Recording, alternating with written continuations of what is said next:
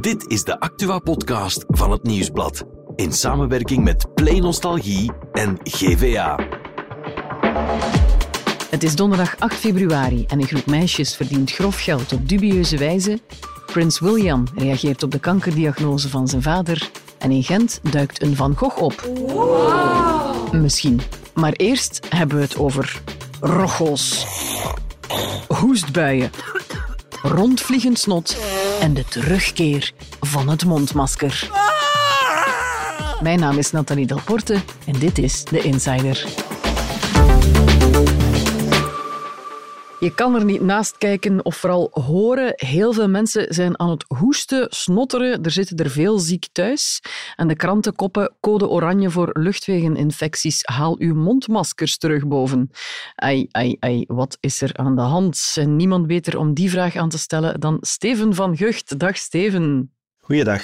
Ja, iedereen lijkt ziek. Hè? Wat, wat is er aan de hand? Wel, eigenlijk is er niet echt iets bijzonders aan de hand. Wat dat we nu meemaken, is iets wat dat we meestal in deze periode van het jaar meemaken. Februari is typisch een maand uh, waarin er ook heel veel mensen last hebben van luchtwegklachten. En uh, is ook een typische griepmaand. En elke winter krijg ik telefoons van journalisten die zeggen: Nu is het toch wel erg en erger dan normaal. En de hele redactie zit thuis en is er iets bijzonders aan de hand? En ieder jaar zeg ik dan tegen die journalisten: nee, eigenlijk is dat heel normaal voor deze tijd van het jaar. Ja. Wat dan nu misschien anders is dit jaar, is dat we een soort van kleurcode gecreëerd hebben. Um, om daar een soort van ja, code aan te geven, zoals we dat ook doen, bijvoorbeeld voor stormen of voor het weer. Mm-hmm. hè, dat je code oranje, code rood hebt. Um, dat is meer een soort van, moet ik zeggen, management tool of een soort van uh, tool om de bevolking um, te begeleiden in van ja, waar zitten we momenteel en wat zijn ja. zo de maatregelen die je eventueel kan nemen. Dus je moet dat eerder zo zien. Oké, okay, okay. over die kleurencodes wil ik het uh, zo meteen nog even hebben. Maar dus u zegt, het zijn gewone griepjes, luchtwegeninfecties, er is niks speciaals aan de hand. Dit zou wel eens een heel korte podcast kunnen worden. Um, maar mijn neef die, die lag dit weekend met meer dan 40 graden koorts in de zetel. Dat ja. is toch iets wat ik niet zo vaak hoor, moet ik zeggen. Uh, nee, toch wel hoor. Uh, ja? Mensen hebben, gemiddeld hebben we zo om de drie à vijf jaar hebben we de griep te pakken. Een verschil is wel, dat moet ik er wel bij zeggen, ja? dat we vroeger het coronavirus er niet bij hadden. Hè, mm-hmm. Die is er nu nog extra bijgekomen. Uh, die heeft vooral druk gezet in december. Momenteel is dat wat afgezwakt, gelukkig. Hè, want wij hebben altijd wat schrik dat we tegelijkertijd een golf van corona zouden hebben en eentje van griep. Ja. En dat zou wel eens een, een, zeer zware belasting kunnen geven. En dat zou misschien wel terug uitzonderlijk kunnen zijn. Ja. Uh, momenteel moet je zeggen dat ons zorgsysteem dat net aan kan. Eigenlijk is dat er net op gebouwd om dit soort toestanden aan te kunnen, omdat we het al decennia lang kennen. Oké, okay, maar het is niet dat we sinds corona zieker zijn of zo? Nee, ik zou dat niet zeggen. We zien dat niet in onze statistieken. Als we nu kijken hoeveel mensen liggen er in het ziekenhuis uh, met luchtwegklachten, ja. dan, is dat, um, dan is dat veel. Hè? Laat ik dat eerst zeggen. In januari, februari zijn dat er veel. Uh, maar vergelijkbaar met de periodes voor de pandemie. Hetzelfde bij de huisarts. Hè. Als je kijkt hoeveel mensen consulteren hun huisarts met luchtwegklachten, uh, met klachten van griep, dan zijn er dat veel maar eigenlijk uh, vergelijkbaar met wat we zagen voor de pandemie. Ik ga nog even terug naar het begin, Steven. Um, in de ziekenhuizen ligt de druk wel hoog. Hè? Zo hoog dat ze dus uh, code oranje nu hebben uitgeroepen voor mondmaskers in ziekenhuizen. Van code geel naar code oranje. Je had het er daarnet al even, even over, maar wat, wat betekent dat nu precies? Ja, dus we hebben uh, sinds deze winter, enfin, uh, sinds het najaar al, een soort van kleurcode gecreëerd. En je kan dat wat vergelijken met de kleurcodes voor het weer. Hè. We hebben de groene code, dat is iets wat je typisch in de zomer zou uh, krijgen. We hebben geel, dat wil zeggen beginnende druk op het zorgsysteem. Hè. Er circuleert al het een en het ander, er zijn al wat mensen ziek. Nu zitten we in code oranje, dat wil zeggen dat we hoge druk hebben, veel circulatie van virussen maar op zich nog altijd binnen een um, normaal profiel voor deze tijd van het jaar. Dus het zorgsysteem is daar net op berekend, de situatie okay. die we nu hebben. Uh, natuurlijk, wat we niet willen, is naar code rood gaan. Dat is de volgende code. En dan zou je in een situatie zitten die uitzonderlijk is. En dan zou je wel problemen kunnen krijgen, bijvoorbeeld in het zorgsysteem. Dat alle bedden vol liggen en dat men weer keuzes moet maken van ja, uh, welke zaken gaan we even on hold zetten. Um, code rood, ik zie het op dit moment niet direct gebeuren. Mhm. Nu, bij code oranje is men echt niet ver gegaan. Hè. Men heeft het gehouden eigenlijk bij een aantal sterke aanbevelingen. Bijvoorbeeld voor meer kwetsbare mensen om um, sterk aan te raden van een FFP2-masker te dragen wanneer ze op drukke plaatsen komen. Dat is geen verplichting, dat is een aanbeveling. Uh, dus dat gaat niet zo heel ver. Hè. En in sommige ziekenhuizen loopt iedereen terug met een mondmasker rond, van het personeel dan? Ja, uh, er zijn ziekenhuizen die dat eigenlijk uit zichzelf al hadden beslist. Hè. Die hebben niet gewacht op een code oranje. Die zagen uh, de bui al hangen. Die zien dan de patiënten met griep toestromen en die zeggen van nu is het een goede moment om overal mondmaskers te gaan opzetten. Uh, nu, vanuit de overheid is er ook gecommuniceerd, code oranje. Uh, wij raden zeer sterk aan in de zorg. Denk maar aan de wachtzalen, op de spoeddiensten, in de wachtzaal van de huisarts, om daar uh, een mondmasker te gaan dragen, zodat we elkaar niet gaan besmetten. Bij ons, bij de huisarts, is dat nooit gestopt. Van zodra je met een verkoudheid zit of hoest, vragen ze daarom je mondmasker op te zetten. Je komt er anders gewoon niet in. Lijkt mij op zich toch niet meer dan logisch, toch? Een zeer goede huisarts. Uh, daar blijven gaan, zou ik zeggen. Mijn huisarts doet hetzelfde. Hè. Uh, Want ik moet zeggen, ik, ik ben uh, deze zomer er naartoe geweest voor een bloedonderzoek en ik had geen mondmasker mee, maar er ging op de ingang van zijn wachtzaal mondmasker dragen. Ik zeg, oei, dat is wel... ja, en net ik dan. Ehm, dus ik niet oké, okay, met, met, met, het rood, met het rood op de wangen gezegd van oei, dokter ja, maar het is niet erg, zegt hem. Nu, nu is het minder belangrijk. Maar het hangt er standaard op. En ik, ik, hij doet dat ook een beetje om te sensibiliseren. Hij zag het ook eerder iets als voor de winter. Maar eigenlijk is dat heel verstandig. Zonder te panikeren, want als je dan ineens terug mensen met een mondmasker ziet, kan je ook denken van oh, het beest is terug. Ja. ja, absoluut. Nee, want dat is natuurlijk dat is een, een beetje een trauma dat we hebben van die pandemie. Ik, heb dat ook, ik hoor dat dan ook soms van mensen die dan wat angstig daarvan worden, maar dat is helemaal niet de bedoeling van dit systeem. Hè. Dit heeft niet de bedoeling om uh, angst of onrust of te doen suggereren dat er misschien nog iets erger zit aan te komen. Het is echt een management tool. Ja. Um, een van de, de problemen, denk ik, in het verleden, hè, zoals ik zeg, wat we nu zien, is op zich vrij normaal. Maar wat ik niet zo normaal vind, is dat we daar vroeger eigenlijk heel weinig uh, over communiceerden of aan deden. Want dat is mm wel degelijk ja, een zwaar belasting voor de ziekenhuizen. Gaat gepaard met heel veel ziekenhuisopnames en overlijdens, die wintergolven van griep en nu ook van COVID. En vroeger, ja, wij beschouwden dat als iets natuurlijk. Van, dat mhm. is zo en daar kan je eigenlijk niks aan doen. En dat is eigenlijk uh, een inzicht dat veranderd is nu. Je kan wel degelijk iets doen en het is ook niet zo natuurlijk. Want uh, laten we zeggen, 100, 200 jaar geleden was die druk van die uh, ademhalingsvirussen die was veel lager. Hè? Omdat wij veel meer buiten leefden. Eh, we leefden mhm. minder dicht op elkaar. We waren ook met minder mensen. Maar in onze moderne samenleving, we zijn steeds meer en meer binnen beginnen leven. We doen al in de winter doen we alles binnen. Mhm. onze kinderen zitten in crèches, in scholen die vaak groter en groter worden. Op zich is dat geen, uh, laten we zeggen, natuurlijke manier van leven, zoals dat het honderden jaren geleden was. Honderden jaren geleden hadden wij veel minder last van die virussen. Af en toe wel eens hè, een epidemie. Maar het feit dat we in de winter continu uh, aangevallen werden door verkoudheidsvirussen, door griepvirussen en andere, dat is alleen maar beginnen toenemen met onze moderne manier van samenleven. Ja, na de baksteen in de maag zijn we de baksteen geworden.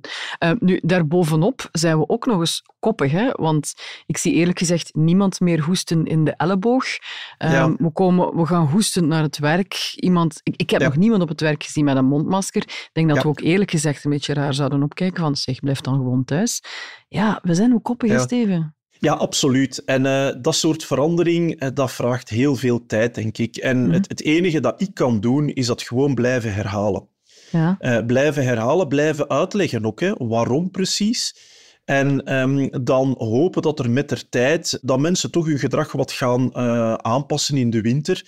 Wat meer zorg dragen voor elkaar, om elkaar niet te besmetten. Het, is wel wat veranderd hoor. Uh, we moeten niet zeggen dat er niks verandert. Ik zie regelmatig toch in mijn omgeving mensen die het dan doen. En dan denk ik van, ay, chapeau, hè, moedige persoon in de metro dan, hè, die, ja. die 10% die dan uh, besluit om dat masker te dragen. Maar voor u als viroloog, zou het u geruststellen om terug meer mondmaskers te zien in het openbaar, in het openbaar leven, op de werkvloer? Ja, wel, uh, vooral op het openbaar vervoer, denk ik. Um, ik zie nog te regelmatig mensen waarvan je echt kan zien van die voelen zich niet goed. Hè. Die liggen te mhm. hoesten, te niezen. En die nemen de metro of de trein, zeker op die spitsmomenten, dat, dan zou ik echt veel geruster zijn, moesten die mensen dan gewoon een mondmasker dragen. Ook voor mezelf, hè, omdat je dan weet van, ja, de kans is reëel dat ik hier nu blootgesteld word aan van alles en nog wat. En dat ik het misschien binnen enkele dagen ook te pakken heb. Um, ik, ik zou dat eigenlijk wel goed vinden, moesten we dan meer doen dan dat we dat nu doen. Maar dan op specifieke plaatsen, hè. ik denk op openbaar vervoer. Op het werk, ja, de eerste regel is als je kan, werk dan van thuis of blijf thuis. Uh, Maar op de werkvloer, als je dan toch komt, mondmasker dragen, ja, waarom niet? Hè? Uh, ik, ik denk dat dat goed zou zijn, dat dat wat meer ingeburgerd zou worden. Ja, dat dat meer een normale manier van doen is. Ik zeg altijd, een mondmasker is eigenlijk veel nuttiger dan een zakdoek. Uh, in, uh, we, hebben zijn, we hebben geleerd van, van allez, ik thuis, ik moest altijd als kind een zakdoek meenemen.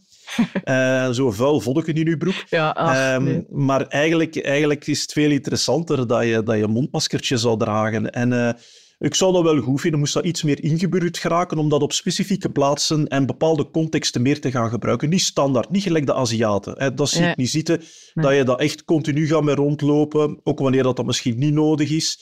Uh, dat dat echt een soort van uh, sociale gewoonte wordt. Nee. En geen vuil vodka, maar heb je dan wel zelf een mondmasker altijd op zak nu weer? Uh, wel, er liggen er altijd in mijn auto, er liggen er in mhm. mijn schuif als ik naar buiten ga. Nu, op dit moment, ja, ik heb niks onder de leden, dus ik voel okay. me eigenlijk heel goed. Dus op dit moment draag ik het niet. Ik zit ook niet in een risicogroep, maar het ligt wel hm. altijd ter beschikking. Okay.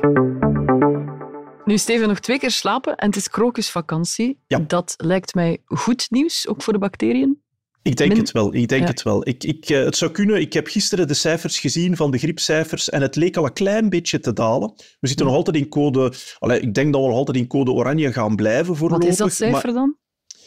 Oh, ik, ik ken het niet van buiten. Uh, maar het is een klein beetje gezakt, dus dat is een goede zaak. En ik verwacht inderdaad met krokusvakantie uh, dat het waarschijnlijk verder gaat zakken. Uh, dus ik denk die code oranje, dat die waarschijnlijk niet lang gaat aangehouden worden en hopelijk gaat het kenteren.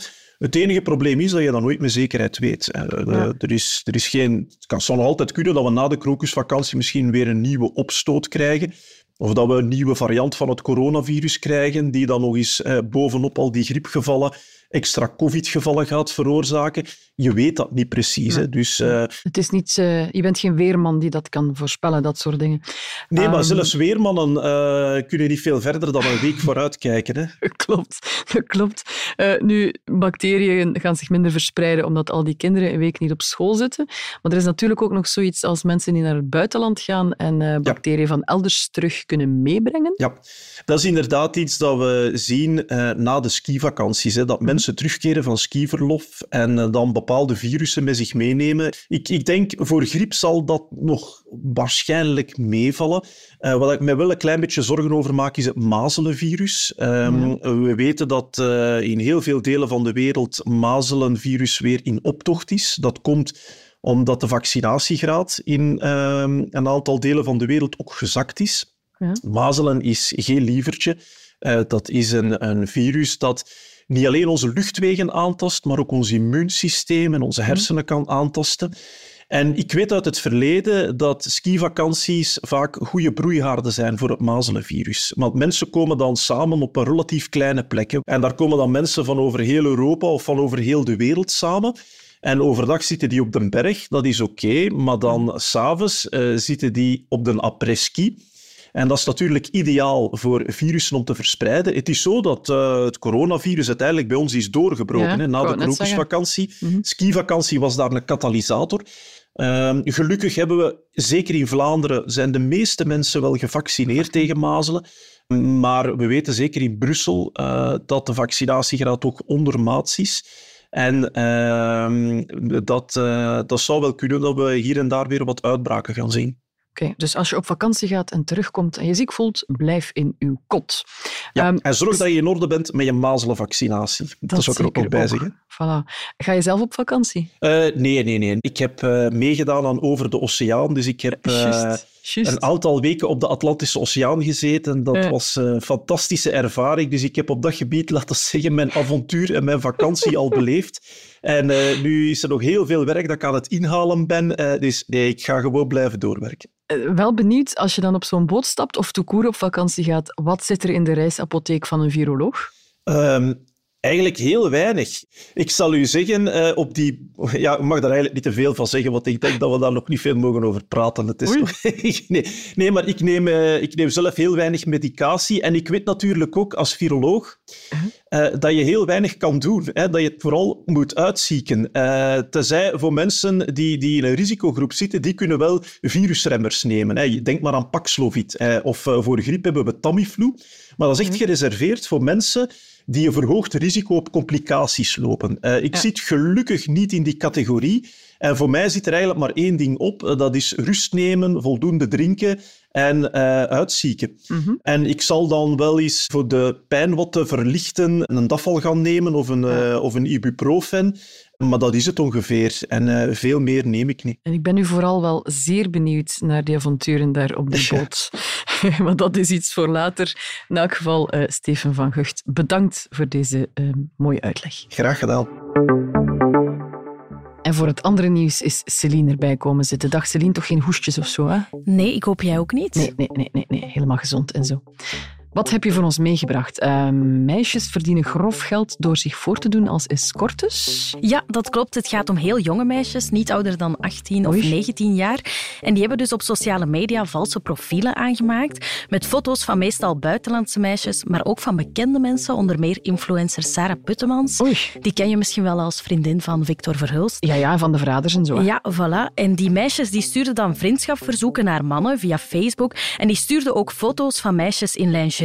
En ze vroegen dan of die man in kwestie wou afspreken. Die man gaat daar dan op in. Die moest dan eerst wel betalen, natuurlijk. Hij schrijft dan soms wel honderden euro's over. En dan zegt die escorte plots... Ja, maar oei, je hebt het naar het verkeerde rekeningnummer Nee. overgeschreven. Ja, dus dan schrijven die nog eens geld over naar een ander rekeningnummer. En plots verdwijnt die escorte. Niets meer van te horen. En dat, dat is dus gewoon een groep jonge grieten. Dat zijn wel heel slinkse en zeer niet oké. Eh, maar hoe is dat dan ontdekt? Ja, dus de meeste mannen die gaven dat niet aan. Die schaamden zich of die waren bijvoorbeeld getrouwd. Maar één man, een vijftiger, die maar liefst 20.000 euro betaalde, Wow. die is dan toch naar de politie gestapt en zo kwam eigenlijk de bal aan het rollen. En nu worden ze dus vervolgd door het parket voor oplichting en diefstal. En in totaal staan er vandaag 13 verdachten terecht voor de Gentse rechtbank. I'd like to take this opportunity to say thank you also for the kind messages of support for Catherine and for my father, especially in recent days. It means a great deal to us all. En dan Prins William. Hij reageert op de kankerdiagnose van koning Charles. Ja, en dat is voor het eerst. Hij deed dat op de benefietavond van de London Air Ambulance, waar geld wordt opgehaald voor een nieuwe vloot helikopters voor de Londense reddingsdienst. Daar was prins William trouwens zelf ook piloot, eh, voordat hij voltijds zijn koninklijke taken opnam. En hij bedankte daar iedereen voor de vriendelijke berichten en de steun, maar meer mocht hij niet zeggen, want zijn lijfwachten dwongen hem naar binnen. Oké, dus ehm, wel sympathiek van hem dat hij dat even gaat uitleggen. En hoe zit het met zijn broer? Harry, was die daar ook ergens te bespeuren? Ja, nee, eigenlijk niet. Die is dus wel vanuit de Verenigde Staten naar het Verenigd Koninkrijk gevlogen. Ja. Heel kort eigenlijk. Die is maar drie kwartier bij zijn vader geweest. Ah. Ja, heel kort. En nu is hij al terug op weg naar de Verenigde Staten, naar zijn vrouw Meghan en de kinderen. En dan nog het regionieuws. We gaan naar Gent. Daar heeft een koppel toch wel een bijzondere ontdekking gedaan tijdens hun verbouwing. Ja, zeker. Ik ben zelfs een beetje jaloers. Eh, zij waren bezig met de verbouwing, want ze willen hun gezin uitbreiden en dus moest het huis ook uitgebreid worden Ja. natuurlijk. En ze zijn een muur aan het uitbreken en plots zien ze een schilderij achter die muur. En ze Ja. zeggen, dat is een Van Gogh. Dat, dat is een van... oh, Zomaar even. Tja, van ze Gogh denken dat ja, onze muur. het lijkt heel hard op het eh, bekende zelfportret van Van Gogh. Ik zal het even laten zien. Eh, wacht, hè. Het, is, het is audio, dus ik zou dat moeten proberen opschrijven. ja, het heeft er iets van weg, maar... mm, lijkt lijkt erop, mij maar- twijfelachtig. Ja, Het is wel mooi. Het is origineel. Ik denk het niet. Ja, het is dus ook geen schilderij op een canvas zoals we eigenlijk kennen. Het is op de muur Ja, zelf. het is echt op het pleisterwerk, dus Ja. achter de muur, achter de isolatie. Ze hebben een aanvraag ingediend bij het Van Gogh Museum in Amsterdam, hè, maar die antwoorden voorlopig niet. En in afwachting hebben ze ook een kenner ernaar laten kijken. Die sluit niet uit dat het echt is, maar hij zegt ook niet meteen dat het echt is. Dus het is een beetje spannend. Nu, Hannes en Lore die hebben ook zelf een theorie. Ze denken dat Van Gogh in hun huis is geweest toen dat nog een bordeel was. Oh ja. En dat hij met dat schilderij toen betaald heeft. En als dat, als, als Ja. dat allemaal waar zou zijn, dan zijn die nu allemaal stinkend rijk en zijn we Ja. allemaal stinkend jaloers. Ja, en ze dromen al volop weg van het geld. Dat vertelden ze ook aan de VRT, die er een reportage over maakte. We hebben dat niet kunnen verstoppen voor onze dochters ook.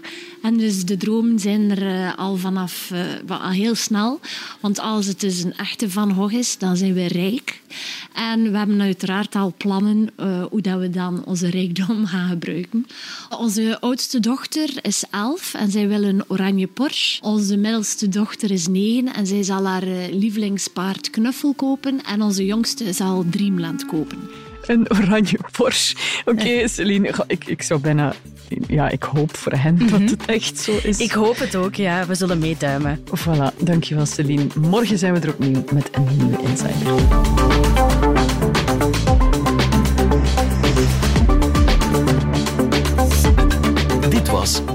Insider, een podcast van het Nieuwsblad in samenwerking met Play Nostalgie en GVA.